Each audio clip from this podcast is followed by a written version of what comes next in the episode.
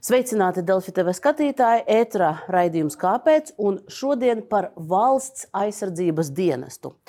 Likuma projekts par to joprojām atrodas izskatīšanā saimā, bet jau 1. jūlijā ir jānotiek pirmajam iesaukumam. Kā tas norisināsies un kā valsts aizsardzības dienests izskatīsies turpmākajos gados? Par to tūlīt diskutēsim.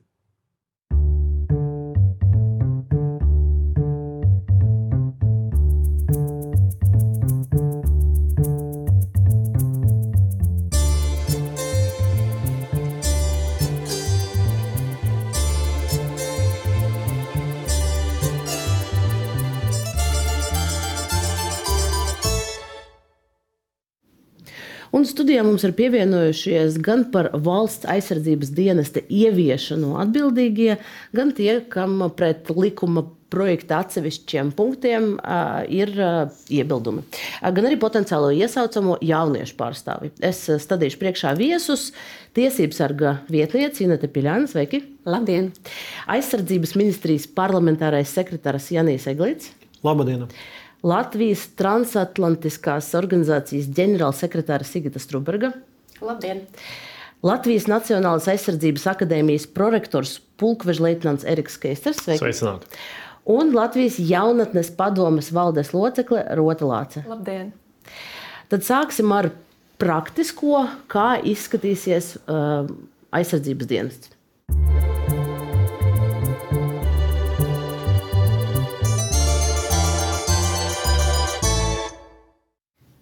Es ātri iezīmēšu, kā šī koncepcija šobrīd izskatās, un, ja gadījumā es kļūdos detaļās, tad, tad droši labojiet. Galvenās iezīmes ir, mēs sāksim šogad, jau jūlijā, pirmajā ar pirmo brīvprātīgo iesaukumu. 300 cilvēku šobrīd ir plānoti, vismaz tas publiski ir izskanējis šāds skaitlis. Kopumā tas attieksies uz 18, 19 gadīgiem jauniešiem. Turpmāk primāri iespēja arī būs brīvprātīgi pieteikties, bet, ja nepietiks ar brīvprātīgajiem, tad tiks rīkota loterija un, un tad izlases kārtā.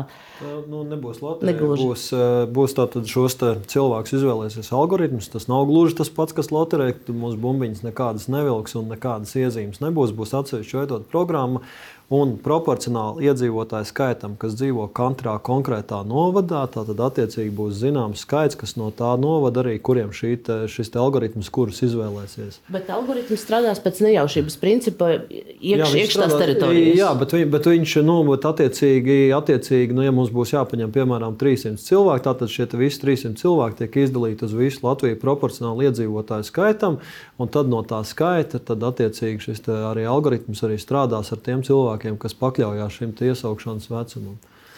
Un uh, dienesta veidi ir trīs, vai nu 11 mēneši Nacionālajos bruņotajos spēkos, vai nu 5 gadi zemesardze ar noteiktu minimālo uh, dienu skaitu, vai nu arī 5 gadu laikā uh, iespējams apgūt augstskolu un koledžu studentiem speciāli paredzēto rezerves virsnieka programmu. Te gan arī prasās mazs paskaidrojums. Tātad tos, kurus iesauc tiem ir pamatā šis 11 mēnešu dienests.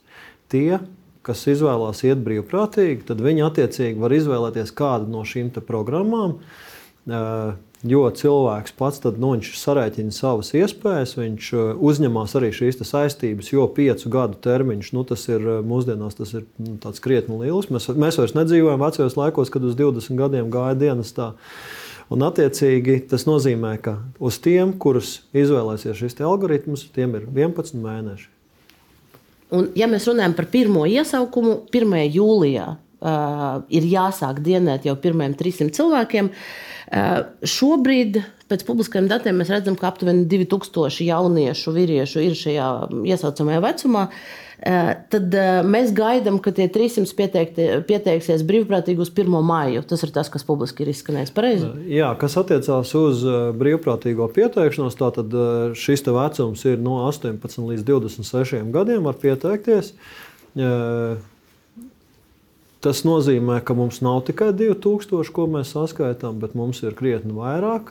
Ņemot vērā pagājušā gada pieteikšanos zemesardzē, kur bija 3000 pieteikušies, tad nu, mēs izdarām secinājumus, ka šis skaitlis ir pilnīgi reāls un sasniedzams - 300. Un viņiem uz pirmo māju būtu jāpieskās, jā, lai sāktu to 1. jūlijā. Es domāju, ka tiklīdz likums būs pieņemts, tad tajā brīdī mēs laižam vaļā šo rekrutēšanas kampaņu. Un tajā brīdī arī, jo kamēr likuma nav, tikmēr mums, mēs neko nevaram īsti sākt darīt, kamēr nav šis segums. Jā, ņemot vērā, ka šo raidījumu es ceru, skatās arī daudz Latvijas iedzīvotāju. Es gribēju, lai jūs arī precīzi izstāstāt, proti, ka nā, um, tajā mā, līdz mājām vai maijā varēs pieteikties. Tad ik viens jaunietis, eh, kurš ir sasniedzis 18 gadu vecumu līdz 26 gadu vecumam, vai tikai tiem, kuriem ir konkrētajā gadā, un respektīvi šajā gadā, 2023. gadā, ir 18 gadu vecums. Brīvprātīgi var pieteikties līdz 27 mm -hmm. gadiem. Tas, ko mēs runājam, kas attieksies tikai uz tiem, kas ir 18, 19 18 gadīgi, nu, kā skatoties, kurā brīdī mainās šis gads, tā ir šī algoritma izvēle. Bet šobrīd jautājums ir, vai izskatās, nu, jūs esat gatavi pieņemt tos, mm. tos, tos 300 jauniešus. Jautājums, vai, vai nu, kā izskatās, varētu būt tik daudz? Uh... Jā. Nu, varbūt tās iesākumā es izskaidrošu mm, savu lomu bruņotajos spēkos. Tad es pārstāvu mācību vadības pavēlniecību. Mēs esam tā organizācija bruņotajos spēkos, kas izveido apmācības programmas. Un tā skaitā apmācības programma, pēc kā tiks gatavot valsts aizsardzības dienestā eh, brīvprātīgie šogad. Eh, līdz ar to tas skaitlis, ar ko mēs, tas plānošanas apsvērums, ko mēs ņemam vērā, ir 300 brīvprātīgie, ko mēs varētu kvalitatīvi apmācīt eh, pēc spēkā esošajām programmām, tieši tādā pašā līmenī, kā mēs šobrīd apmācām profesionālā dienesta karavīrus. Um, tas, vai tiešām būs 300 brīvprātīgie, ja? Šeit jāsaka, ka mums, eh, mums nav datu, lai mēs varētu pateikt, vai tā būs vai nebūs, bet nu, plānošanas apsvērums mums, plānojot apmācību, ir 300. Jā. Man lūdzu, varbūt jautājums ir parlamentāriem sekretāram. Sakiet, lūdzu, ir skaidrs, ka zemesardzē bija šis vilnis, bet bija arī zemesardzē atvilnis. To, kas saprata, ka, ka redzot karu sejā, ka īsti ka viņi nožēlo uh, savu izvēli par, uh, par zemesardzi. Uh, sakiet, lūdzu, bet, un, un ņemot vērā to, ka jau ir tā daļa cilvēku, kas pieteicās zemesardzē, uz kāda pamata tomēr ir tā doma, ka vēl 300 varētu atrasties tagad uz šo. Uh, kā, kā tas tika aprēķināts? Uz katru gadu zemesardzē piesakās cilvēki. Tas, ko es minēju, tas bija par iepriekšējo gadu, kad jā, bija zināms pieplūdums, bet nu, tad arī ir jāsaprot, kāpēc cilvēki iet uz zemesardzi. Jo nu, zemesardzē pamatu pamatā viņi sagatavojas gadījumiem, kad, kā mēs redzējām, Ukrajinā kāds, kāds no kaimiņiem ar savu agresiju vienkārši nomāca. Un šajā gadījumā arī mūsu uzdevums ir pirmām kārtām sagatavot cilvēkus pašus, apmācīt, fiziski sagatavot. Otra būtiskākā lieta, kas ir valsts aizsardzības dienestam, nodrošināt, ka mēs varam aizsargāt savus civiliedzīvotājus. Savus tos, kas paliek ārpusē, kas paliek, kas paliek, nu, kas paliek frontē otrā pusē. Un uh, trešā lieta, nu, tad, atbildot tiešā veidā uz to jautājumu, kā mēs zinām, ka mums būs 300, Protams, ka mēs, protams, ka mēs šobrīd varam, varam daudz, nu, daudz rotaļāties ar skaitļiem, teikt, 5000, 6000 vai 300 vai 50. Mēs esam aprēķinājuši, ka tas varētu būt tas skaitlis, kurš varētu izdarīt par labu izvēli šim. Tātad pirmkārt, tie ir tie, kas, beidz, kas tajā brīdī beidz skolas un kas arī ir nu, tiem, kas brīvprātīgi piesakās, viņiem arī šis kompensācija apmērs ir pietiekami pievilcīgs. Un, manuprāt, tā ir eh, nu, arī laba iespēja cilvē, arī jaunietim nu, šo gadu eh, pirmām kārtām jau trenēties, sagatavoties, nobriest. Eh, izlemt jau, ko viņš grib darīt nākotnē, un, ja viņš jau par to saņem naudu, un, gal, un pašā beigās, pabeidzot dienas, viņš saņem arī 1100 eiro kompensāciju vēl par to, ka, nu, par to, ka viņš ir izgājis. Nu, manuprāt, tas ir ļoti labs pamats nākamajam solim jau dzīvē. Ne, nu, redziet, es jau neesmu pret, es gluži otrādi esmu par, un es būtu vēl par lielākiem skaitļiem. Bet tas, kas mani satrauc, ir, ka vai šo brīvprātīgo skaits būs tik liels. Un otra lieta, kas mani satrauc, ir jauniešu reakcija, kas nebūtu neuzskata, ka šie mehānismi, kas ir ieviesti attiecībā uz samaksām, ka tie ir pietiekami. Jaunie cilvēki to, to neuzskata par konkurētspējīgu piedāvājumu. Tas ir tas, kas man satrauc. Nevis pati ideja par to, ka vajadzētu, pilnīgi noteikti vajadzētu. Jautājums ir par to, kā mēs to skaidrojam, vai, vai ir pietiekams. Nu, var teikt, vienkārši mārketinga kampaņa, un šobrīd es to īsti uh, neredzu, lai pārliecinātu jaunos no, cilvēkus. Jā, jā, mēs, varam, mēs varam pašiem jauniešiem arī ļaut izteikties, lai par šiem visiem punktiem paskaidrot, cik jā. pievilcīgi tas ir. Un... Jā, nu tad es arī īsumā esmu no Latvijas jaunatnes padomas. Mēs esam jumta organizācija, mums ir 47 uh, dažādas jauniešu organizācijas zem mums, sadarbojamies ar jauni, uh, jauniešu padomēm, sadarbojamies ar uh, Latvijas studentu apvienību un veicām paši iekšā savas organizācijas. Tā tādu apzināšanas kampaņu, kur mēs arī mēģinājām, jo mums arī ir vairākas nacionāla mēroga organizācijas. Mēs lūdzām viņiem kā, izpildīt anketu, apkopot uh, zināšanas paši savā iekšā savas organizācijas, veidojam diskusijas starp dalību organizācijām, uh, kāds tad patiešām ir šis viedoklis. Un lielākoties var teikt to, ka būtu atbalsts šādam šim uh, aizsardzības dienestam, bet ir divi lielie tādi bubuļi, tādi jautājumi. Tā kā jaunieši mēs esam daudz liberālāk domājuši, un tas pirmais ir, kāpēc šie noteikumi neatiecas arī uz meitenēm. Jo, nē, bet patiešām, jo, ja mēs paskatāmies šī brīža situāciju Ukrajinā, bieži vien tās sievietes, kuras paliek aiz muguras, viņām ir daudz bīstamāka situācija nekā tās, kuras ir iekšā armijas un kuras, uh, kuras ir iekšā šīs aizsardzības, vai kurām ir jebkādas zināšanas. Un, ja jūs, kā jūs minējāt, ka, ir, ka tas galvenais mērķis ir aizstāvēt tos uh, civiliedzīvotājus, tad kāpēc šīs nepieciešamās akūtas svarīgās zināšanas, kāpēc viņas netiek, kāpēc tiek uzskatīts, ka pusēji sabiedrības viņas nebūtu arī vajadzīgas? Jā, droši. Vai jūs esat iepazinušies ar likumu? Jā, mēs zinām, ka kā, tas ir pēc brīvprātības principa, Protams, tas ir meitene. Bet, bet, tur arī, bet tur arī ir atbilde. Tā tad meitene grib. Lūdzu, bet mēs ņemam pretī. Līdzvērtīgās pozīcijās. Kāds ir tā? Šajā, šajā gadījumā tas, kurš, ja mēs runājam par līdzvērtību, tad tas, kurš nav ielikts līdzvērtīgās pozīcijās, ir vīrietis. Kādēļ? Tādēļ, ka vīrietim tas ir, tas ir pienākums. Šo, šajā gadījumā tas būs pienākums. Šis ilgtermiņā varētu Jā. sagādāt problēmas mūsu dzimumu līdztiesības aspektos. Nē, noteikti nē. Noteikti nē, un mēs vadāmies no citu valstu pieredzes. Šobrīd ir, ir divas valstis, kas obligātā kārtā iesauc sievietes, un neviena no viņām nav NATO dalība valsts. Nu, Zviedrija, Zviedrija, Zviedrija nav NATO dalība. Zviedrija ir ceļā uz NATO. Zvi, bet Zviedrija nav NATO dalība valsts. Kā kāda ir saistība? Kā, un... kā tieši tas, vai valsts ir NATO dalība valsts vai nav? Nosaka to, vai sievietēm obligāti šajā ir jādara gadījumā, vai nav. Šajā gadījumā, šajā gadījumā mēs vienkārši runājam par, ta, par to, kāda ir teiksim, apkārtējā situācija. Tā tad ir Izraela un ir Zviedrija, kuras sievietes iesauc obligātā kārtā. Norvēģija. Norvēģijā tur ir mazliet cita sistēma. Tur viņi, tur viņi pieiet tam jautājumam loģi, mazliet loģi, citādi. Loģiski tā saistības starp uh, to nā, ir NATO vai nav nu, NATO. Nē, tas, ka tas, ka tas pasaulē tā tad nenotiek, tā tad ir kaut kāds standarts, kāpēc tas tā ir. Nu, kāpēc tas tā ir? Nu. Jā, bet ziniet, pasaulē Latvijā tā nenotiek. Jūs sakat, vai tas ir juridisks apsvērums? Jebkurā gadījumā runājot arī par dzimumu līdztiesības jautājumu, svarīgi Šajā izvērtēt no satversmības, arī izvērtēt arī šo jā, mēs neierobežojam Mēs neierobežojam. Nu, ir tiesības izvēlēties šo dienestu. Jā, Eglīškungs, un... es zinu jūsu ja, pozīciju. Mēs saimā esam dzirdējuši nemazums jau komisijas sēdēs, kur jūs arī par to esat diskutējuši un runājuši, bet tie ir politiska izšķiršanās šobrīd ir bijusi tāda. Par to nav strīds. Jā.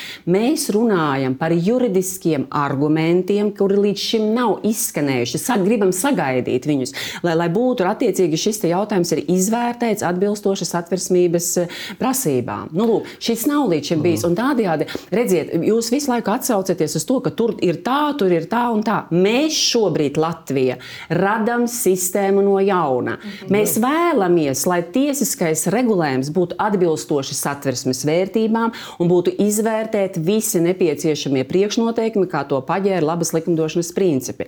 Tādējādi, es domāju, mēs jau par šo jautājumu esam tik daudz, respektīvi, aktualizēšanu runājuši, un tas vēl nu, nevienu brīdi nav, uh, respektīvi, izskanējuši šie attiecīgie juridiskie argumenti.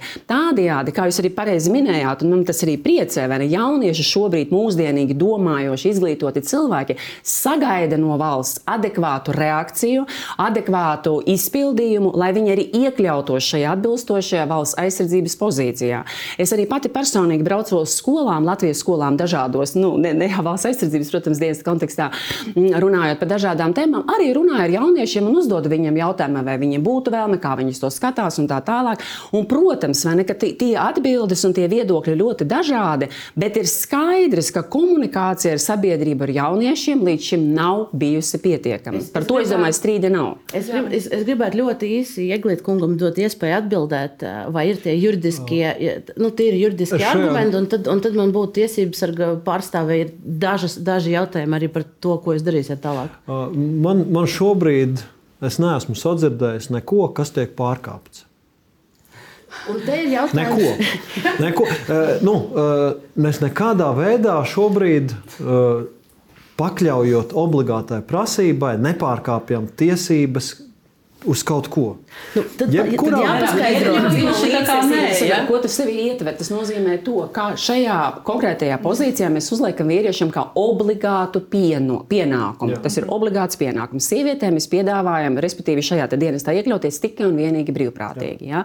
Nu, lūk, tādējādi tas nozīmē to, ka šajā pozīcijā vīriešiem šis pienākums, obligātais pienākums, tad, vai ne? Tad vīriešu tiesības ir pārkāptas. Bet viennozīmīgi, par to jau mēs arī runājam. Te jau arī ir, jūs nu, nepārtraukti to arī sakat, ka sievietes šajā situācijā nav apbežotas, jo viņas var, var brīvprātīgi pieteikties. Bet mēs runājam par šo vienlīdzīgo, respektīvi, pieeju konkrētajā sistēmā. Uh, bet, še, bet šajā gadījumā, tātad, kā es arī minēju, uh, komisijas sēdē. Šī ir bijusi politiska izšķiršanās. Jā, tas skaidrs. Jā, es domāju, ka tā nav strīds. Jā. Saimnes deputātu vairākums ir lēmis, ka tā tad obligāti tiek pakļauti mm -hmm. vīrieši, sievietes vienmēr laipni gaidītas. Mēs ļoti labprāt, es domāju, ka arī mācību spēki ir gatavi uzņemt, apmācīt. Nav jautājumu. Tad es tikai gribētu minēt to, ka cik daudz jūs esat iesaistījuši tieši jaunatnes organizācijas, tos cilvēkus, kas patiešām darbojas ar jauniešiem, kuriem ir vislielākās zināšanas un izpratne par to, kas tad jauniešiem šobrīd ir vajadzīgs un, un kāds ir šī brīža jauniešu viedoklis, cik daudz jūs esat iesaistījuši jaunatnes organizācijas. Uh, procesā, kamēr, kamēr šis likuma projekts ir ticis izstrādāts. Es saprotu, politiskais lēmums, bet mēs no Latvijas jaunatnes puses un arī no citu jauniešu organizāciju puses izjūtam to, ka, ka ir bijis pārāk maz iesaiste no mūsu puses. Ir bijis ļoti, ļoti daudz neskaidrības. Pēc labi, notika uh, seminār, seminārs konference kā, Kara muzejā. Tajā brīdī mums bija iespēja uzdot jautājumus, bet Tas bija, vien, bija viena instance.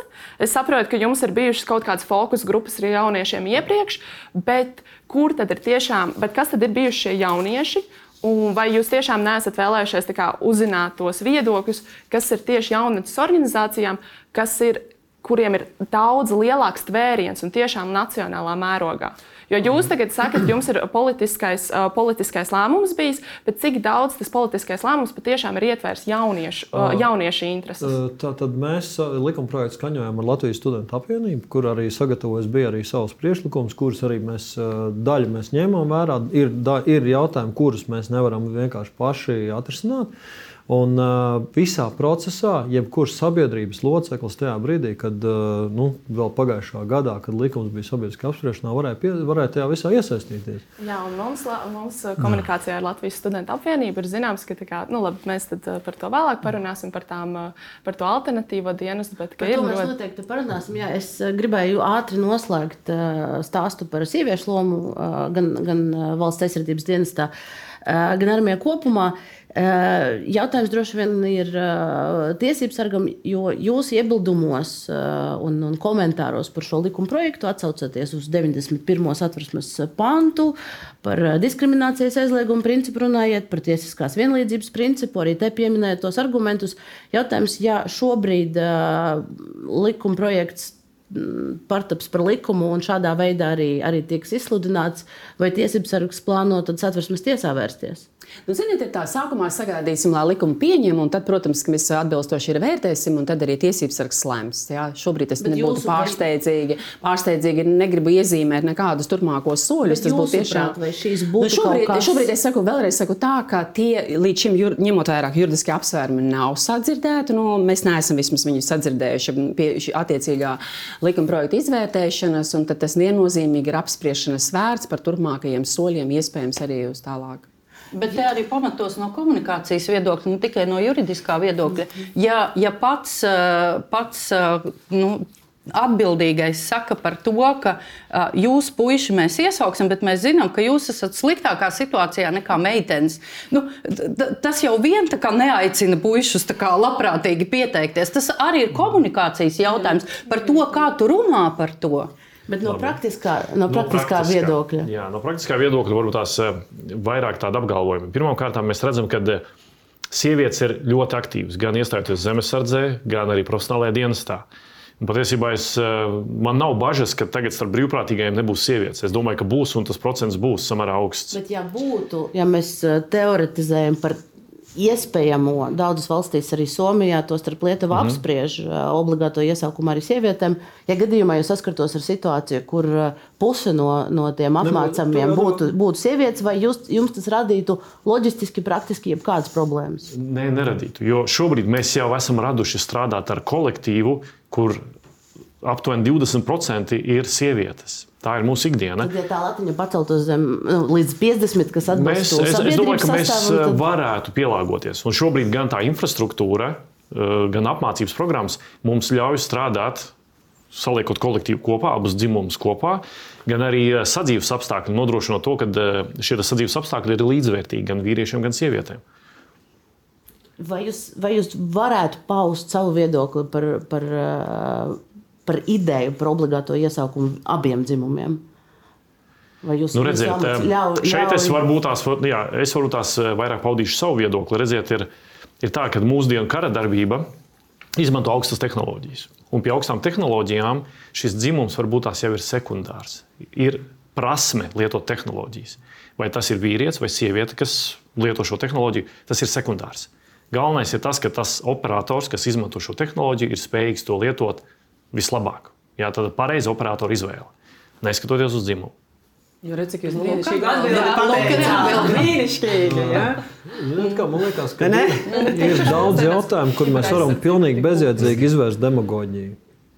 Un tas, ko es sadzirdu šobrīd, uh, nu, patiesībā šis apsvērums. Viņš neiztur kritiku tā iemesla dēļ, ka, es, nu, tas, ko es atdzirdu, kā, ka visi grib iet, bet obligāti.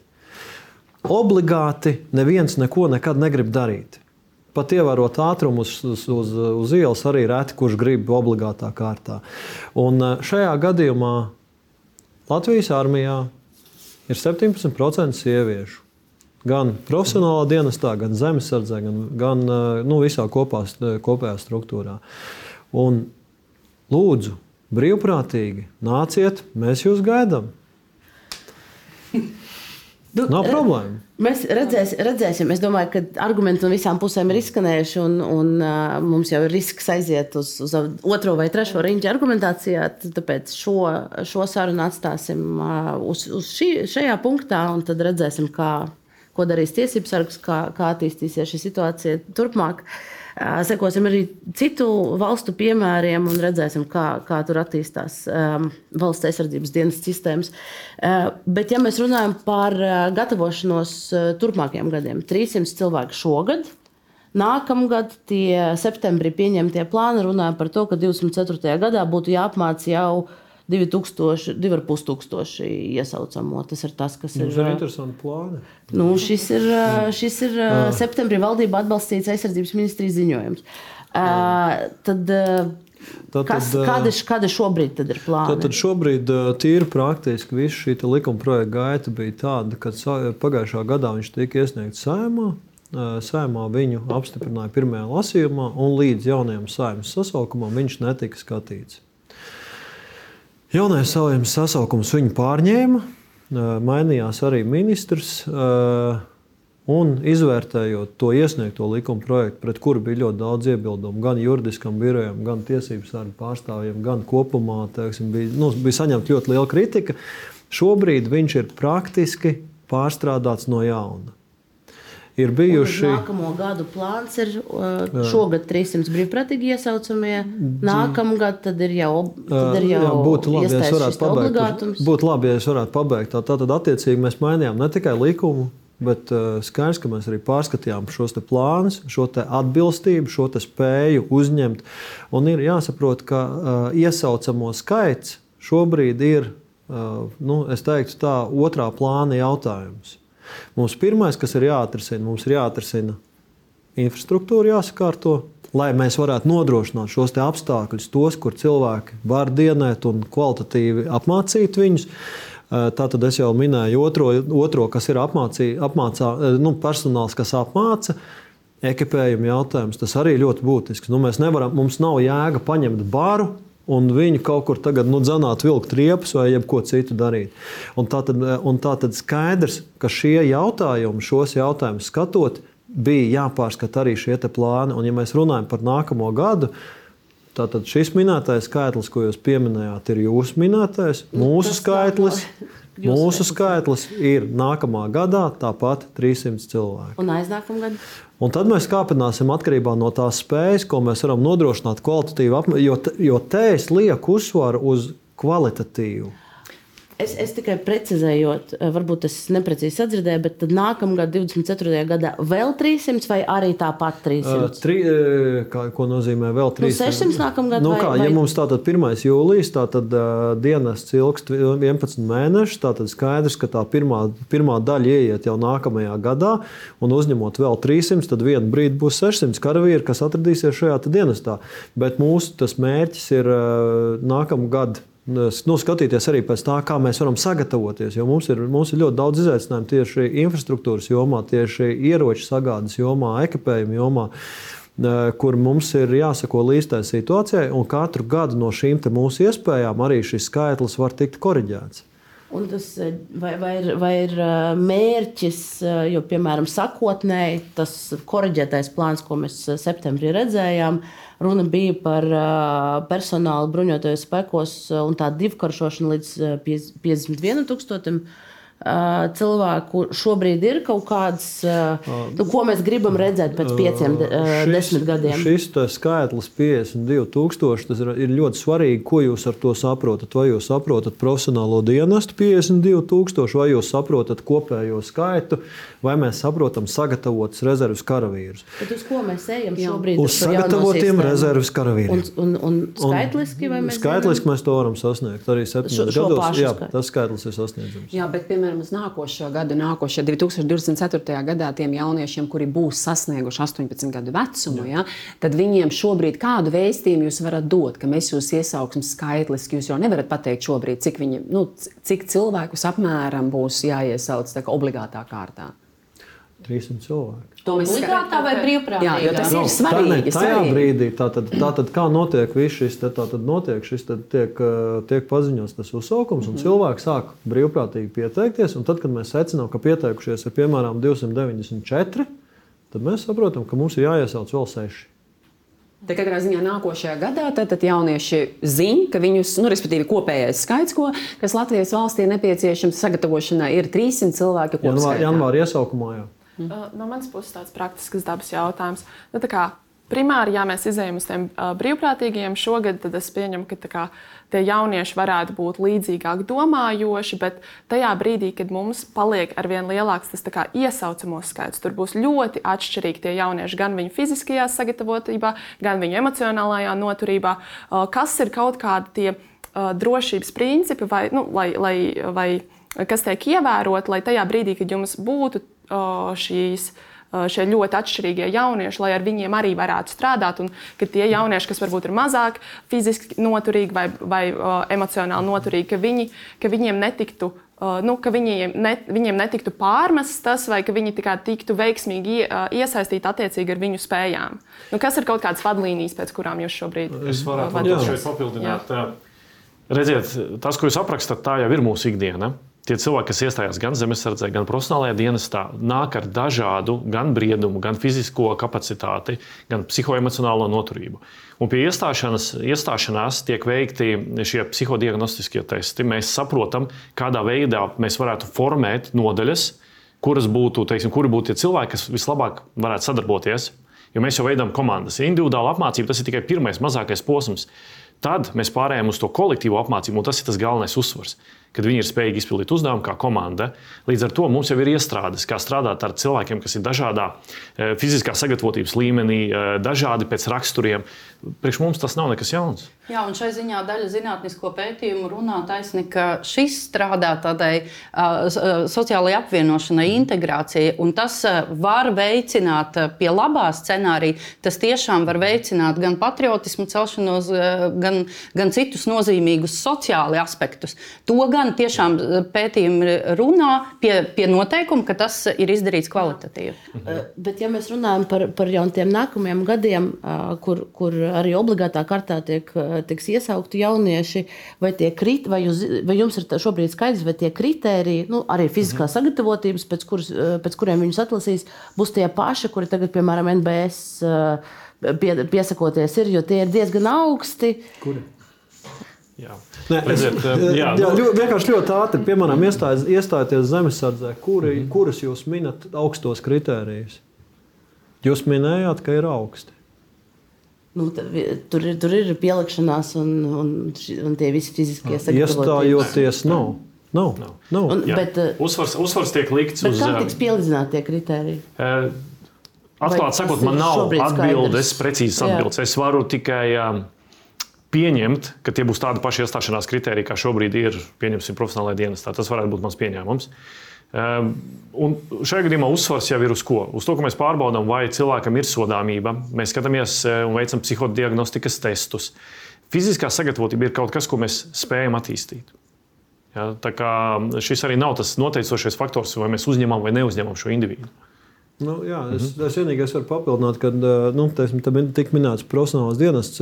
Mēs esam ministrijā runājuši par zemesardzi. Mm -hmm. Un tie, kas šobrīd var pieteikties zemesardzē, tad viņš iziet šo savu, nu, medicīnisko stāvokli, vai viņš vai veselība atbilst. Vai veselība atbilst, vai netiek ar to nodarīts kaitējums individu veselībai. Tas pielīdzināts zemesardzes kritērijiem varētu būt. Bet starp viņiem, starp, viņiem, starp, viņiem ir tikai, starp viņiem ir tikai viena atšķirība. Tā atšķirība, ka nu, noslēpuma jautājums. -hmm. tas, arī, tas arī ir viss. Un šajā gadījumā, uzņemot šos jauniešus, mums nekādā veidā mēs nu, nebaidamies no tā, ka tur varētu būt. Nu, kaut kas tāds, ar ko mēs netiktu galā. Jā. Bet viena lieta, gan es gribu mazliet palabot mūsu tātad Tas, ko mēs dodam ar šo brīvprātības iespēju, mēs dodam iespēju cilvēkam pašam pieteikties. Mēs neliekam uzsvaru uz to, ka mēs tagad ceram, ka mums pieteiksies tik daudz. Mēs savus, nu, to skaitu, kas mums ir nepieciešams, ko mēs varam kvalitatīvi apmācīt, jo, jo, jo visu laiku ir mums jālieto pareizie termini. Mums nav mērķis iesaukt pēc iespējas vairāk cilvēku. Mēs gribam apmācīt, kvalitatīvi apmācīt, sagatavot cilvēkus krīzes, nu, kaut kādam kritiskam situācijai, kritiskai situācijai. Un, uh, tas, ko mēs uh, no savas puses varam izdarīt, ir dot šo iespēju pašiem brīvprātīgi pieteikties. Attiecīgi novērtējot to arī ar paaugstinātu kompensāciju par to, ka viņš ir, nu, ka viņš, ka viņš, ka viņš nu, pats, paša motivēts, viņš grib iziet šo dienu. Es ļoti īsi varu tas piebildīšu, jo es vēl šorīt runāju ar dažiem no tiem instruktoriem, kas ir izraudzīti, lai strādātu ar eh, šiem brīvprātīgajiem. Un, eh, nu, mums ir vienota izpratne, kad mēs saprotam, ka sabiedrības uzmanība būs vērsta uz pirmo iesaukumu. Ir skaidrs, ka visi meklēs iespējams nepilnības vai skatīsies, kas sanāk labi. Līdz ar to mēs izvēlamies pareizos cilvēkus. Mēs esam fokusēti uz kvalitatīvu apmācību, eh, un to nozīmīgumu mēs arī saprotam. Bet ar laiku jums šī apmācības kapacitāte būs jāaudzē. Ir Tad vai pareizi. jūs šobrīd, ja, un, un kazarmas visticamāk jābūvē, jautājums, vai tas ir tas- ja, ja, tas ir- ja mums tās kazarmas ir nepieciešamas pēc pāris gadiem, tad eh, iepirkumam kaut kad šobrīd jau jā, jābūt Protams, bet, bet, mums, izsludinātam. bet mums no katru gada mums no budžeta mums tiek paredzēta būvniecībai zināma naudas summa. un Šobrīd mūsu prioritāte ir tātad valsts aizsardzības dienests. un Mēs arī, eh, mēs arī gatavosim, ja mēs jau šogad, šī gada beigās, eh, nu, no vidus līdz beigām, mēs jau gatavojam, nu, kamēr nav likums, mēs, mums ir mazliet sasietas rokas. Bet tikko kā likums tiks pieņemts, tad tajā brīdī mēs jau sākam gatavot šo infrastruktūru. un Mums ir, mums, eh, mums ir nu, plāns, ir pietiekami realistisks. Bet, Jūs varat eh, nosaukt kādu summu, cik, cik eh, piemēram, nākamā gada budžetā ir atvēlēts tieši šīs eh, valsts aizsardzības dienestam domāts infrastruktūras būvniecībai? Nu, šobrīd, šobrīd mēs izvērtējam gan pašvaldību rīcībā esošās eh, telpas, ēkas pieejamību. Un, eh, nu, ļoti iespējams, ka tā summa būs. Šobrīd mēs varam, nedomājot, mēs varam paņemt šos te 300 cilvēkus. Viņiem ir jābūt Viņi, viņiem ir nākotnē. un, un, eh, katru, un, te, un katru gadu mēs šo skaitli kāpināsim. Bet par cik jūs joprojām nevarat pateikt? Nē, jums, Cik nu, tad, man, 25. tad, man, tad, man jāme, tad, man jāme, tad man jāmeklē. Nu, ka, Bet man ir tā Es sajūta, ka atradīšu. mēs neesam gana godīgi šobrīd paši pret sevi. Stāstot par to, ka mēs dodam uh, iespēju kvalitatīvi apmācīties krīzei, nu, to jau kvalitatīvi var izdarīt profesionālajā dienestā, bet acīm redzami mēs ejam uz šo variantu, tāpēc ka tas skaits bija nepietiekams. Nu, uh, kāpēc tad vēl? Jā, un es šeit gribētu arī komentēt. Jūs minat šo brīvprātības principu, ka tas, ka tas ir tas, kā jūs primāri arī mēģināsiet arī ā, dabūt šos ā, jauniešus uz aizsardzības dienestu. Bet ā, es tad, ā, nu, tiešām no tādas jauniešu organizācijas puses varu teikt, ka ir bijusi ārkārtīgi liela neskaidrība, kas tas ir un ko tas nozīmē. Un, Un, kā jau es iepriekš minēju, ļoti ilgstoši nebija informācija un nebija arī iesaistīta no jaunas organizāciju puses. Un tajā brīdī, kad es parunāju piemēram ar jaunieti viens pret viens, viņiem ir ļoti daudz aplamu. Aplamu domu, kuras, jā, in, internetā tu paskaties, jā, šī informācija ir pieejama, bet viņiem st- starp viņu lokiem joprojām turpinās tā doma, ah, nu tas būs tā kā padomu laikā, tad, kad viņiem bija tas, tu divus gadus tiec aizsūtīts projām, nesatiec savu ģimeni. Uh, un, un, Un es gribētu teikt, ka jauniešu organizācijas ir viens no tiem resursiem, ko var izmantot, lai patiešām arī varētu nodot šo patieso un kvalitatīvo informāciju. Lai, jo, jo daudziem jauniešiem nu, kā, uh, viņi. Viņiem ir bail no tā, ko viņi nezina, no tā, ko viņi nesaprot. Un es tikai domāju, ja būtu tieši skaidri orientēta informācija, uh, tajā, uh, tad arī būtu arī vairāk tā izpratne, kas tas ir. Tad būtu arī tiešām jūs arī varētu dabūt tos brīvprātīgos. Jo šobrīd, es, uh, nu, kas ir tās mērķa auditorijas, uh, no kurienes jūs kā, nu, ņemsiet tos brīvprātīgos, tie, kas ir bijuši uh, saskarsmē, ar, nu, ka- kas ir jaunsardzē bijuši, vai kuriem ir ģimenēs uh, kāds no armijas vai zemesargiem, bet kas ir ar tiem jauniešiem, kuri varbūt būtu atvērti šai idejai, bet kuri nav bijuši ne jaunsardzē, ne zemesardzē, vai kā šī informācija nonāk līdz viņiem. Tad es jau, kā es minēju, jau pašā sākumā, tajā brīdī, kad likums būs pieņemts, jo šobrīd mums nav likuma. Varbūt jums šķiet, ka viņš ir, bet viņa vēl nav. Nu, Nē, Tajā brīdī, būs. tajā brīdī kad būs šis vēlēšanām, likums, tajā brīdī, kad būs skaidri likumā ierakstīts, eh, jūs eh, mani palabojat, tad es ļaušu jums palabot. Vai šobrīd jūs varat pateikt, vai studentiem, vai nauda tiem, kas būs izgājuši vadu un pēc tam gribēs mācīties augstskolā, vai viņiem būs vai nebūs? Šobrīd tas vēl ir apspriešanā. Tad kā es varu pateikt? Tad par nu, ideju, par nē. konceptu jūs varat Koncept, pateikt. koncept, Nu, koncepts, bet, par konceptu, bet par konceptu jau ir visu laiku arī runāts. Jautājums ir par to, ka mēs reizēm nesadzirdam, ko, ko mēs viens otram sakām. Jo šajā brīdī, tātad ar ko sākās mūsu diskusija? Par sievietēm sākās diskusija. Ne par ko citu. Ne, nebija runa par to, vai būs kur izguldīt, vai būs ieroči, vai būs kvalitatīva vieta, kur apmācīt. Tādas jautājumas šeit netika pacelts. šeit tika pacelts par sievietēm. Puse, puse Latvijas sabiedrības. Uh, Jā, bet, ne, bet tas, ne, tas ir jautājums par to, ko, kā mēs šos jautājumus ceļam un kā mēs viņus risinām. Tad, tika, tad, tad mums tika izteikts, nu, un šobrīd, jā, pamatu pamats ir tie, kas, tie, kas iet jaunsardzē un tie, kas iziet valsts, ap, valsts aizsardzības mācību. Tie, tie ir tie, kurus mēs uzrunājam pirmām kārtām. Vienkārši tas, tas ko, uz ko es gribētu vērst uzmanību, ir atklātības un caurspīdīguma princips, kurš arī iekšā šīs diskusijas mēs saprotam, ka nav līdz galam bijis, jo rekur uh, arī moderators dati nav līdz galam Tas ir jautājums par to, kurš šos datus, kur šos datus, kur, kurus datus mēs izmantojam. Jo, ja mēs paņemam... Tā problēma ir, ne, ka ne jau cilvēkiem ir jārokās visos likumos un jā, jāmin, kuri ir pareizie dati. Tas ir uh, publisko iestāžu uzdevums izstāstīt jauniešiem visos Latvijas reģionos ar dažāda līmeņa izglītību par tām iespējām, par ko jūs runājat, vai arī par tiem pienākumiem, par ko jūs runājat. Bet, taisnība, šis, ir, šis ir akmens arī mūsu, dā, šis ir akmens arī mūsu dārziņā. Jā. Un, uh, ir acīm redzot, ir lietas, kas arī mums ir jāuzlabo savā komunikācijā. To es pieņemu, un šodien arī šeit dzirdēt, to mēs noteikti ņemsim vērā.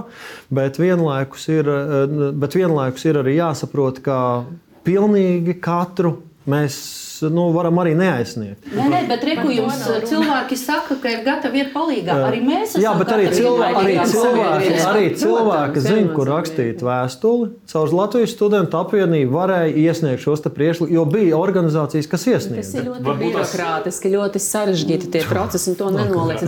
Bet, ziniet, Eglīši, es vēl vienu pavisam mazu tādu īstu teizi gribu pateikt. Es nenoliedzu un zinu, ka jūs dien dienā par šiem jautājumiem runājat. Runājat zināmās auditorijās, vienkārši jums jau liekas, ka visa Latvija to vien dara, kā šobrīd diskutē par šo jautājumu. Bet tā nav. Ja?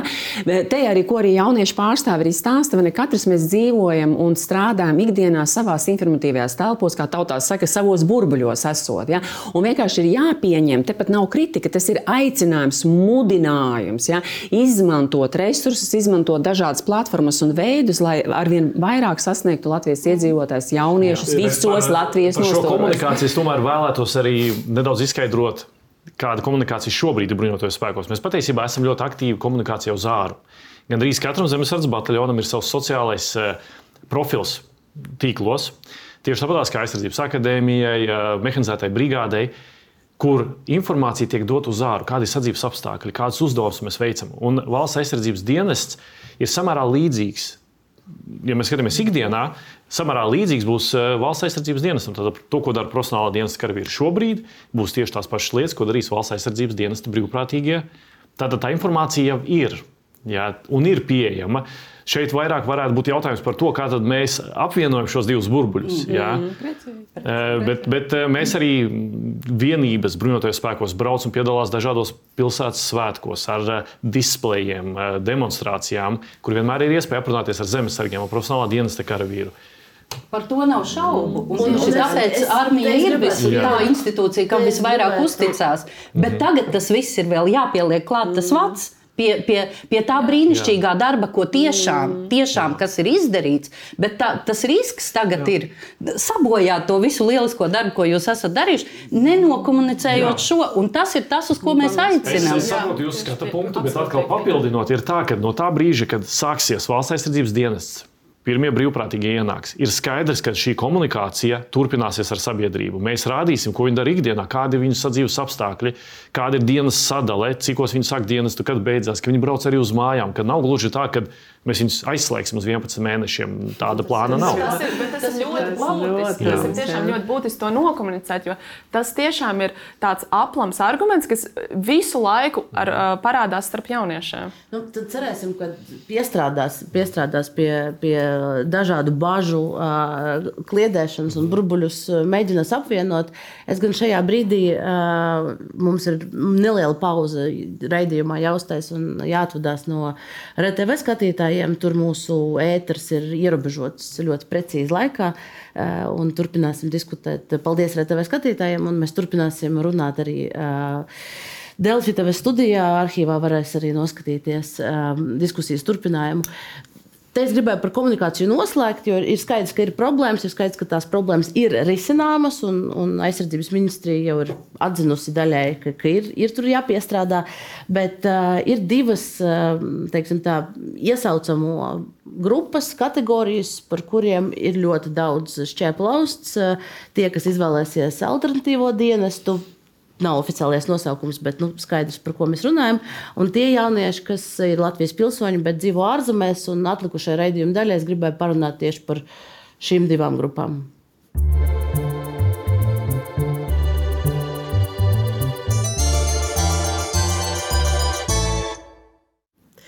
Tātad divas dienesta daļas vai virzieni mums ir. Valsts aizsardzības militārais dienests, par to mēs tikko izrunājām, un ir arī valsts aizsardzības civilais dienests. Tāds ir oficiālais nosaukums, bet nu, skaidrs, ka tā ir tas alternatīvais variants. Ja cilvēks reliģisko apsvērumu dēļ vai kādu citu apsvērumu, pārliecības, filozofisku apsvērumu dēļ ieročus rokās nevar, negrib ņemt.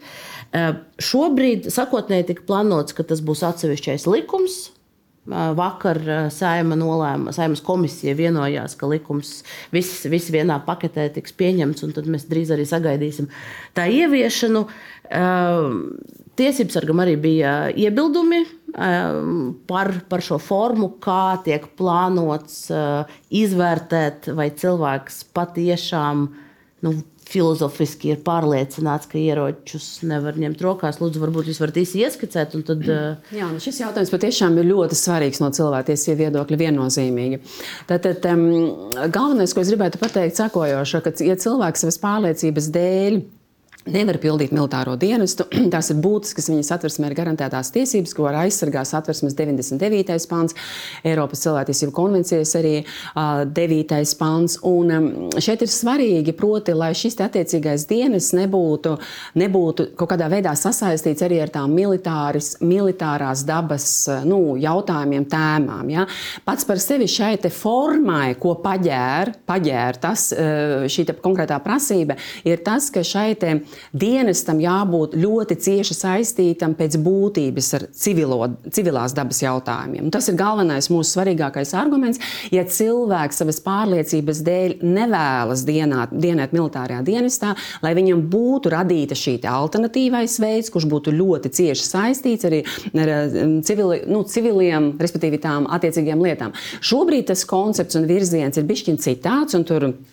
Eglīša kungs to ļoti labi zina. Proti, ka šobrīd, ja cilvēkam būs tāda situācija, ka nu, viņš at, lūgs un teiks, ka viņš nevar dienēt militārajā dienestā, tad eh, komisijai to vērtēs, vai ne?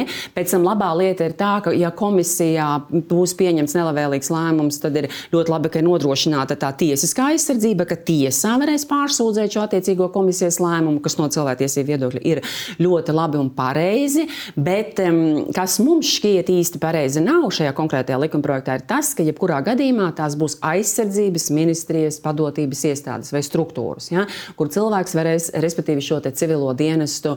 Mm, iziet. Ja? Nu, lūk, tā ir pirmā lieta, kas uh, īsti pareizi nav. Ja? Jebkurā gadījumā tam būs ļoti cieši sasaiste manā ieskatā arī ar militārām nu, lietām un darbībām. Jebkurā gadījumā tur figurē kaut kāds arī gan noliktavas, gan arī visādi citādas lietas, vai ne, kas būtu, nu, ko es varētu teikt, tas kā palīdzošais. Um, nu, teiksim, tā personāls varētu būt. Un otrā lieta ir, šī tā sociālā aizsardzība, kas mūsu ieskatā, vismaz kā mēs redzam šobrīd, par ko arī publiski tiek arī lēsts, eh, ir nepietiekama. Mēs redzam, ka tie, kas izb... būs dienēs, respektīvi, alternatīvajā dienestā vai civilajā dienestā, kā pareizi to teikt, tad eh, tā kompensācija būs tikai 300 eiro apmērā, kas mūsu ieskatā ir pilnīgi nepieņemami, jo mēs saprotam, ka šie cilvēki strādās vai dosies dienestā katru dienu, respektīvi, piecas pilna laika, pilna laika darbs, un tad uzreiz rasties var jautājums, kā Latvijas jaunietis ne, var iztikt mēnesī pa 300 eh, eiro, ja, nodrošināt sevi ar mājokli, ar pārtiku un tā tālāk. Un tas ir ļoti nozīmīgs jautājums, kuru jāsaprot tik vienam. Ja mēs arī gribam, lai pilsonis pildītu šo pilsonisko pienākumu, mums ir cieņas jautājums nodrošināt arī adekvātu, atbilstošu cieņu pret to cilvēku. Arī militārā, obligāti iesauktais militārā dienesta karavīrs saņems kompensāciju 300 eiro. Šajā gadījumā Nu, brīvprātīgi piesakoties. uh, Brīvprātīgi, pie, jā, protams, nu, brīvprātīgi viņš piesakās, viņš, iz, viņš izrāda, viņš savu vēlmi, iz, nu, viņš uh, motivēts, uh, nāk pats, pats nu, tas tiek novērtēts. Okay, nu, Bet- ir viena lieta, bet, bet tas konceptuālais iebildums pret to, ka ja cilvēkam ir filozofiska pārliecība, ka viņš nevar pat tuvu stāvēt bruņotiem spēkiem, tad nu, viņam Nu, viņam jādodrošina tā iespēja Jā, tas- darīt kaut ko sabiedrībai nozīmīgu, bet tālāk no šīs jomas. Tā joma jau ir caurvīta. Nu, karavīrs ēd. Un tā tad, attiecīgi, arī ienākot trimī veikalā, pērkot kaut kādus pašus salātus, ko ēd karavīrs, tad arī viņš nedrīkst ēst. Nu, atkal mēs, mēs, ejam, mēs, ejam tādos, mēs ejam tādos dīvainās nu, galējībās. Mēs gribam tagad nu, tiesību sarga birojām. Saskaņošanas procesā bija iespēja piedāvāt savā štatā desmit vietas, kuras viņš pats atļāvās apmaksāt. Nav problēma. Nu, Mēs ņemsim pretī. Uh, šajā gadījumā uh, tas, ko mēs varam nodrošināt no savas puses, lai ievērotu šīs tiesības, atkal jāsaka. Mēs, ne, mēs to neizdomājam no jauna. Mums nav nekas izdomāts no jauna. Mēs paskatāmies, Somija. Nu, Izcils piemērs. Somijā ir līgumi. eh, No jauna. Varbūt ir vērts, 21. varbūt, varbūt ir vērts, eh, bet šajā gadījumā divriteni var mēģināt izdomāt vēlreiz, bet gala beigās tas būs un paliks divritenis. Bet Eglīts, kur Somijā ir tieši, tieši otrādi tā sistēma. Tur ir atsevišķa ā, teiksim, tā struktūra ekonomikas ministrijas padotībā, kur ir līgumi ar pašvaldībām. Jā, bet viņi, ar dara, to, bet viņi strādā tam pašam viņi mērķim. strādā- Viņi strādā tam pašam mērķim. Viņi strādā noliktavās, Nē, viņi strādā Es loģistikas. paskatījos, viņi strādā bibliotekā. Arī mūsu kara muzejs. Viņi strā- strādā telpu uzkopšanā, pansionātos Jā. par sanitāriem. Proti, nu, lūk, tur, kur te- pietrūkst tā maz kvalificēta darba spēka Super. visā valstī. Un te jūs, te jūs pacēlāt vienu svarīgu jautājumu. Tas, protams, ir atkal katram pašam izlemjams jautājums. Vai uz valsts aizsardzības dienas rēķina mēs lāpīsim ciet zemo atalgojumu citās sfērās? Un tas ir tas, ko Somija dara. Uh, Somijā gluži tā nav. Tas viss ir saistīts tomēr ir ar uh, militāro struktūru. Arī šie aprūpes centri, viņi ir, viņi ir gan veterāni, tur, tur atrodas, un viņi to pašu Tur dara. Bērnu, bērnu Jā, protams. intereses pārstāvošs. uh, Jā, bet šajā gadījumā arī mēs, NVO. tātad, jā, tad mēs, ja mēs ejam cauri šim visam, arī mēs sākotnēji uzrunājam ministrijas par to, kur, kuras ministrijas ir gatavas ielaist šajā sfērā, teiksim, arī nodrošinot šīs vietas. Mums, uh, nevien, mums neviena ministrija savu, nu, teiksim, savu artavu šajā visā ne, ne, nu, nebija gatava sniegt. Arī tiesības sarga birojas, diemžēl, ne, ne, ne, nepiedāvāja nekādas vakānas, kur mēs ļoti labprāt. Eh, Un mēs būtu gatavi to darīt. Mēs būtu gatavi to darīt, bet, ja šajā gadījumā, ja mums ir, eh, nu, ja, nu, mēs jau nevaram pateikt, ka tagad viņš ies kaut kur tur, kur viņu neņem pretī. Jūs varat teorētiski politiskajā līmenī aiziet pie premjera un palūgt, lūk, premjeru izdod lūdzu ministriem rezolūciju, ka mums tagad ir nepieciešams, kā, kā šobrīd ir ar veselības budžeta finansējumu. Piemēram, ir uzdots ministrijām meklēt iekšējos savos resursos, pārstruktūrēt, lai atrastu veselības aprūpes sistēmai finansējumu. Jā. Līdzīgi teorētiski premjeras varētu pateikt, šis ir, šī ir tikai ideja. Mhm. Lūdzu, ministrijas, katrs sameklējiet uh, savā sev padotība un, un pašvaldības sev padotības uh, esošajās iestādes, vietas. Uh, Šis jautājums, šis jautājums nav aizvērts. Ar likumu pieņemšanu nekas no tā nebeidzās. Mēs joprojām turpināsim pie tā strādāt, un mēs joprojām meklēsim iespējas, kā uh, mēs varam ievērojot teiksim, arī šī individu intereses, nodrošināt viņam pēc iespējas vairāk.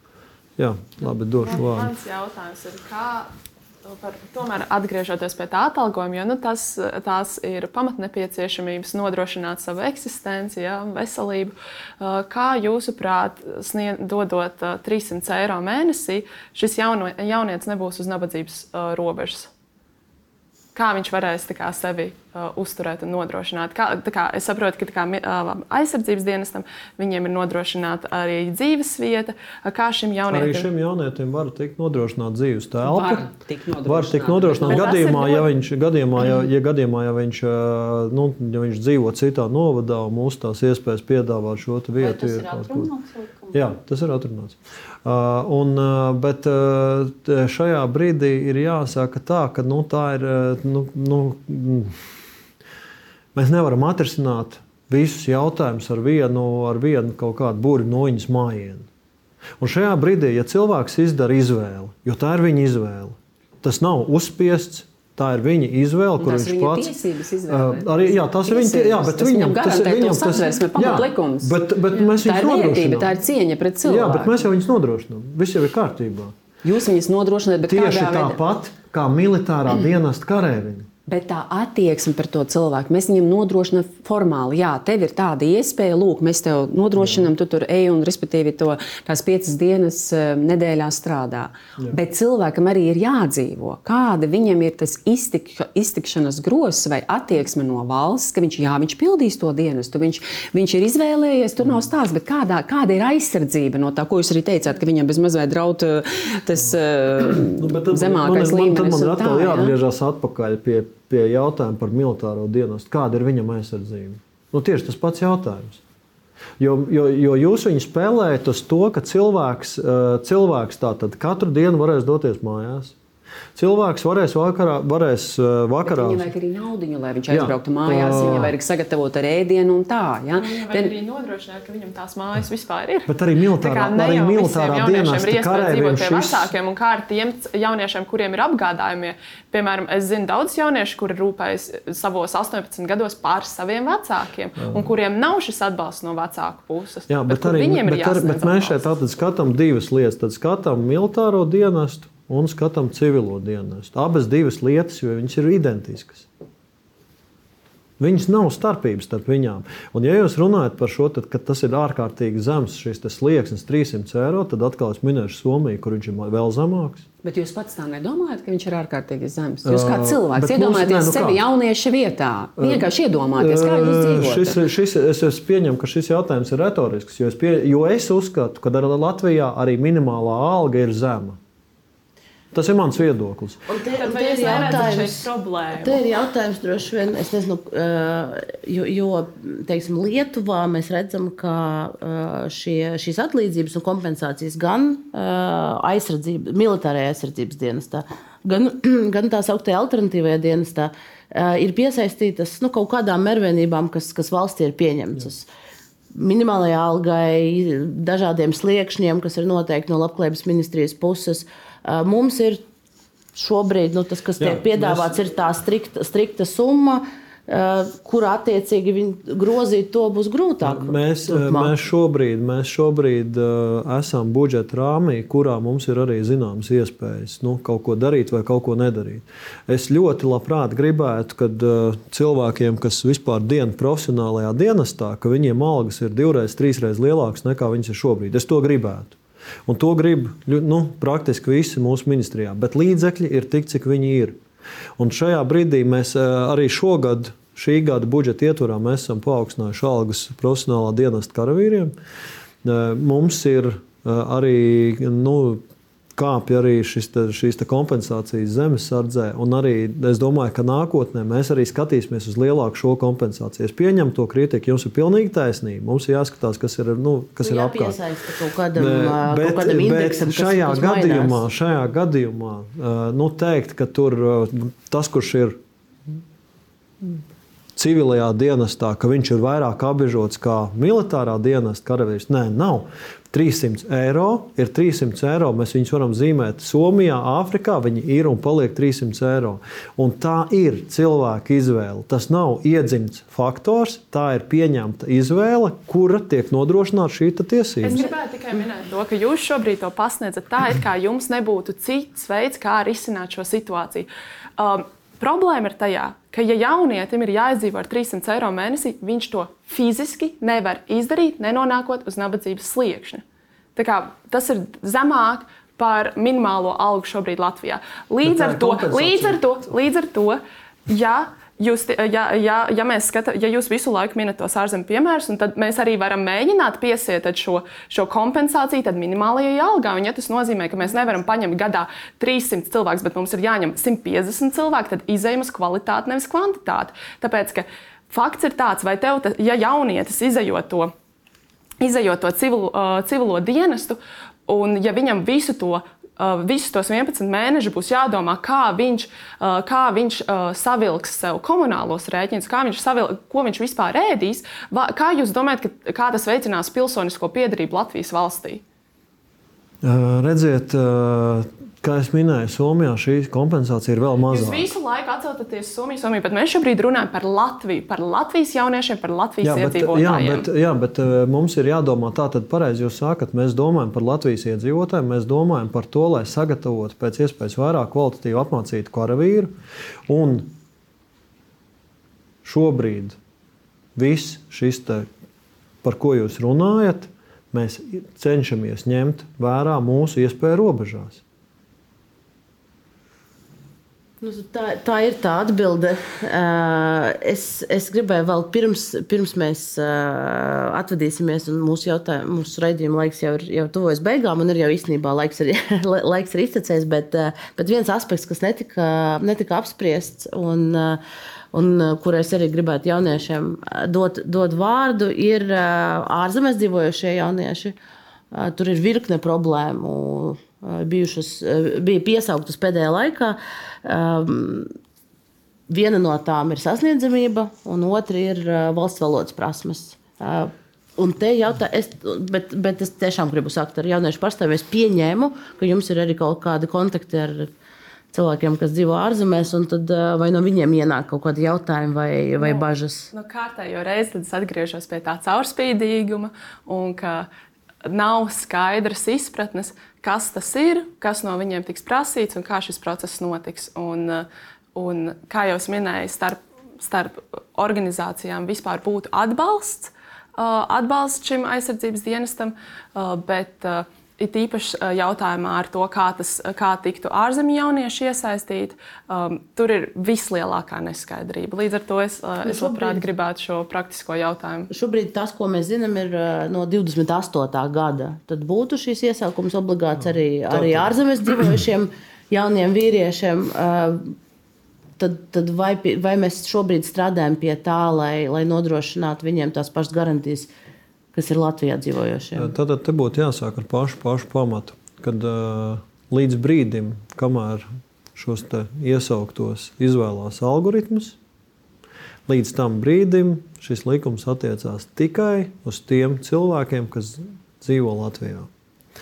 Otra, ir iedzīvotāja reģistrā. Uh, jā, nu, pēc deklarētās dzīves, jo, kā jau, min, kā jau skaidroju pašā sākumā, tas notiek pēc deklarētās dzīves vietas.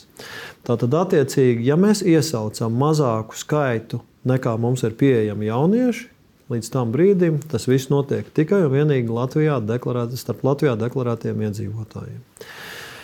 Uh, Saprotot, ka šis temps atkarībā no mūsu iespējām pielāgot infrastruktūru, nodrošināt ar ekipējumu un arī kvalitatīvu apmācību, ka viņš var mainīties, uh, tad Sājuma ir ielikusi drošības pilvenu, ka līdz 27. gadam, neatkarīgi no tā, cik daudz mēs iesaucam šos karavīrus, neatkarīgi no tā, diaspora aiztikt netiek.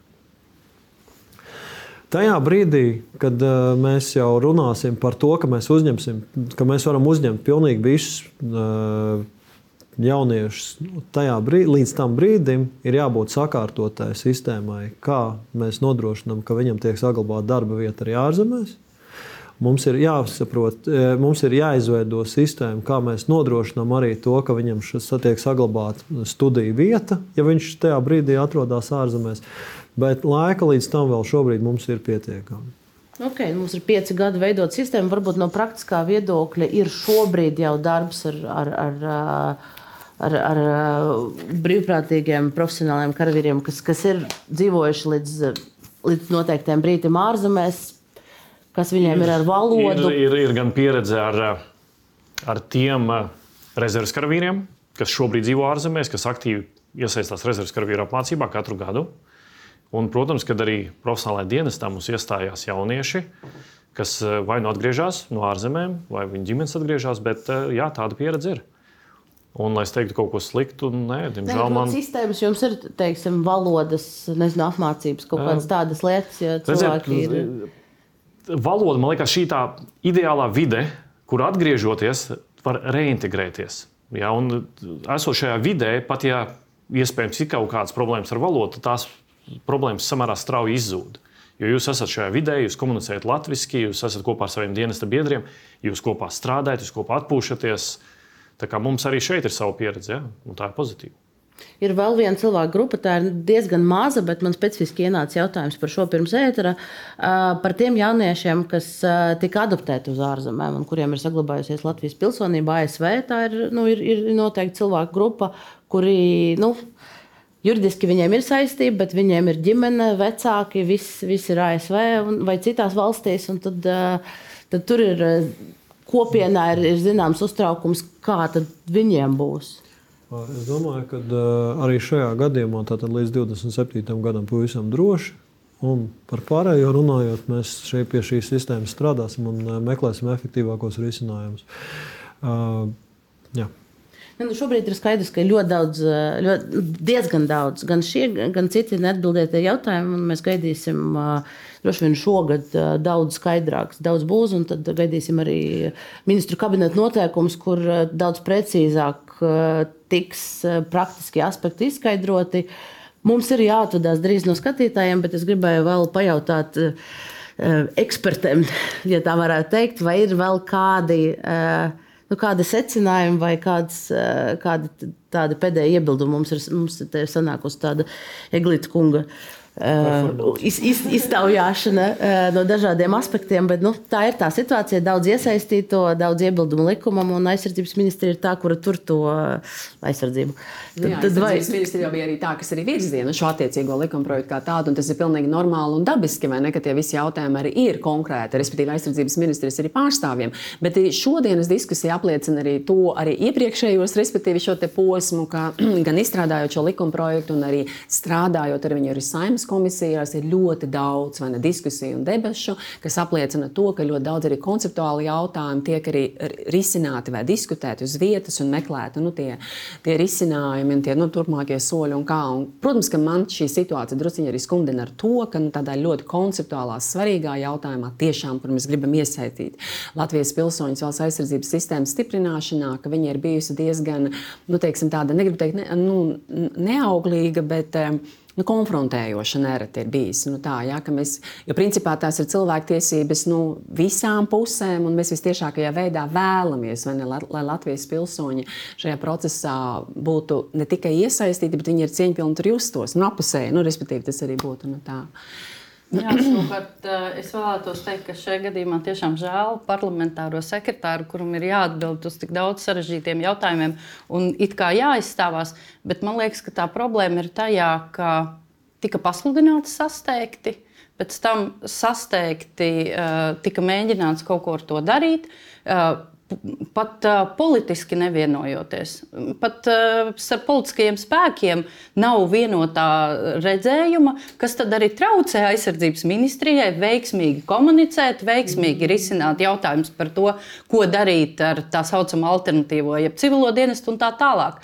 Ja šis nebūtu sasteigti un ja būtu tiešām uh, stipri domāts, un to vēl var paspēt darīt, domāt ļoti par komunikāciju ar jauniešiem, un ne tikai jauniešiem, domāt par komunikāciju ar mamām, tētiem, jauniešiem, ar sabiedrību.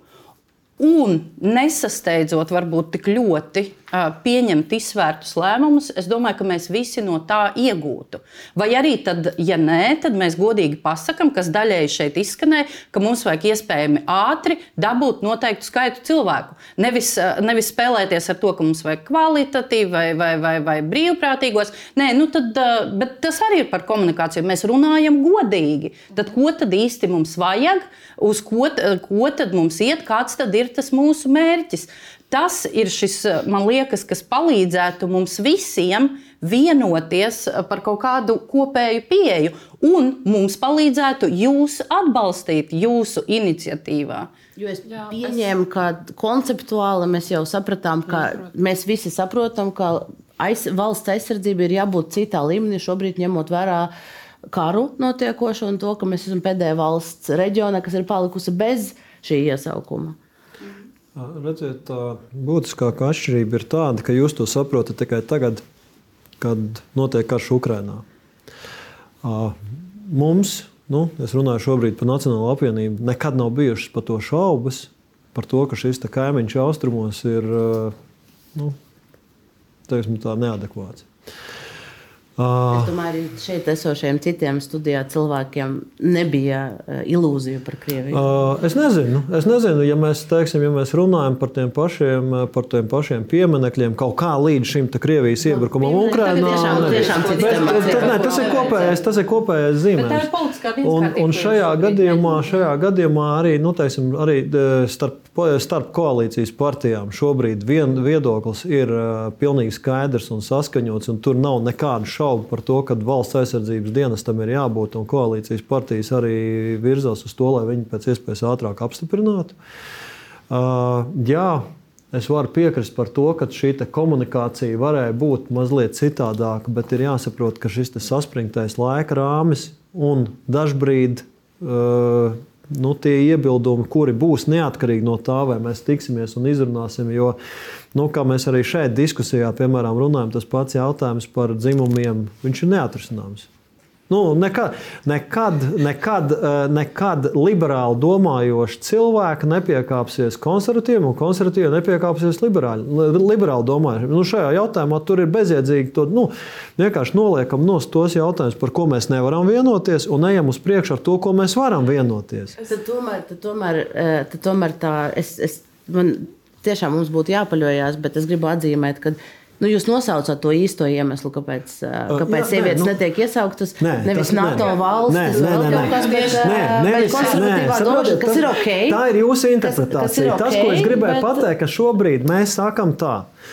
Mēs obligātā kārtā uzņemam vīriešus tādēļ, ka tā darbojās lielākā daļa valstu armijas, kas sevi ir pierādījušas. Es, es, Visu, tikai, es tikai gribēju. Jūs pabeigsiet tad, kad es pabeigšu. Es jūs nepārtraucu, un ļaujiet arī man pabeigt. Un šobrīd tas, kas mums atnāk, mums atnāk, no, atnāk cilvēki un saka, klau, bet mēs jau gribētu, lai tur būtu arī tā. Un tad un mēs sakām, lūk, ir piemēri. Mēs neesam nedz Izrēla, mēs neesam arī Zviedrija, kas šobrīd nav NATO. Viņi ir ceļā uz NATO, bet šobrīd nav. Un mēs sākām, mēs ņemam to labāko. Jā, skatīsimies, kā mums ies uz priekšu. Varbūt pēc gadiem pilnīgi droši varbūt mainīsim. Bet šajā brīdī mēs vēlamies darīt šo lietu šādā veidā. Un tad, mums, un ta, un tad ir šie pārmetumi par to, ka mēs neņemam vērā, ka tur tās, ka tur šis. Lūdzu, es gaidu jūs 1. jūlijā redzēt militārā formā, brīvprātīgā kārtā. Un tikai tad es jums ticēšu. Labi, divi komentāri. Uh, pirmais komentārs par uh, to, ka konservatīvie un liberālie nekad nebūs uz uh, vienā pusē. Tad, tā gadījumā, tad simts, šis pats arguments tika izmantots arī pirms simts gadiem, kad sievietēm nebija iespēja vēlēt lielākajā daļā Latvija pasaules valsts. valsts Jā, tieši tā. Līdz ar to es gribu teikt, ka jā, šie viedokļi mainās un ir iespējams būt vienā pusē. Tas nav tā, ka tā kā, nekad uh, no sievietēm nav tikusi prasīta tā pati atbildība, kas ir uh, tikusi prasīta no vīriešiem kaut kādos aspektos. Līdz ar to es uh, absolūti nepiekrītu jūsu argumentam. Un numur divi, es aicinātu visus, uh, nu, kā, gan saima, gan aizsardzības ministriju cienīt jaunieti, iesaistīt jaunieti lēmumu pieņemšanas procesos, ne tikai uh, pateikt, kā nu mums šeit ir sēde, jūs varat atnākt, bet uzdot jautājumus. Kas jums ir svarīgi? Vai jūs ar tiem 300 eiro, jo es atvainojos, tie 300 eiro ir tiešām ļoti, ļoti svarīga lieta. Tas ir uh, jau šobrīd vairāk kā 58% Latvijas jauniešu, kas uh, pēc uh, pagājušā gada um, pētījuma, viņi, atro, viņi nevar nodrošināt sev vairākas no nepie, pamatvajadzībām. Viņi to nevar nodrošināt. Kā šis, kā šis var, kā, kā 300 eiro mēnesī cīnās pret jau eksistējošo situāciju Latvijā, kur jaunietis ir uz uh, maznodrošinātības robežas. Uh, es tiešām aicinātu jūs cienīt jaunieti, uzdot jaunietim, jauniešiem jautājumus un iesaistīt viņus arī visos posmos. Jo galu galā jūs šobrīd jūs pieņemat lēmumus priekš viņiem, nevis ar viņiem. Ļoti īs, īsa atbilde no jūsu puses, un tad, tad mums tiešām ir jāatcerās. Es, es, es, es tiešām ja, nu, es redzu, ka jaunieši nesaprot, kas ir valsts aizsardzības dienests. Jo tajā brīdī, kad mēs runājam par šo valsts aizsardzības dienestu, pirmais iznāk ārā 300 eiro. Tā, tad, tā ir kompensācija par to, ko cilvēks pavada laiku tur. Brīvprātīgi okay, iestājoties, šī nauda būs lielāka. Teicāt, jā, jā, jā to jūs teicāt, vēlreiz... mēs sapratām argumentāciju, nu. Eglīt kungs. Es, eh, es kaut kā mēģinu noslēgt ar, ar tādu pozitīvāko noti, bet, bet, bet mums tas pingpongs, protams, ka eh, varētu, varētu turpināties ilgi. Varbūt, jā, varbūt jā. jūs varat pozitīvi. jā. Lai vai kā, mēs esam gatavi uzņemt eh, šos brīvprātīgos, mēs varam nodrošināt interesantu un kvalitatīvu apmācību. Un pats galvenais ir Mēs attīstīsim tos jauniešus, mēs attīstīsim viņu dažādas prasmes, motivāciju, mērķtiecību, disciplinētību. Galu galā viņi iegūs zināšanas, kas viņiem var noderēt krīzes situācijās, aizstāvot sevi, aizstāvot savu ģimeni un galu galā sabiedrību. Ja, tas viss tiek darīts augstāk mērķa labad. Tā kā nākat, iestājieties, ja jums ir nepieciešama papildus informācija, mēs vienmēr esam gatavi un atvērti komunikācijai. Paldies, paldies. Šis ir liel, lieliskie, lieliskie vārdi noslēgumam. Pozitīvā nots arī ir, ir, ir iegūta. Paldies visiem viesiem par spraigu diskusiju. Paldies skatītājiem, kas mums bija pieslēgušies, un arī tiem, kas mūs klausīsies arhīvēs. Atgādināšu, ka audio versiju mūsu raidījumiem ir iespējams noklausīties arī podkāstu formā Apple un Spotify podkastos. Lūdzu, izmantojiet to. Un tiekamies pēc nedēļas. Paldies visiem vēlreiz. Tiekamies pēc nedēļas. Thank you.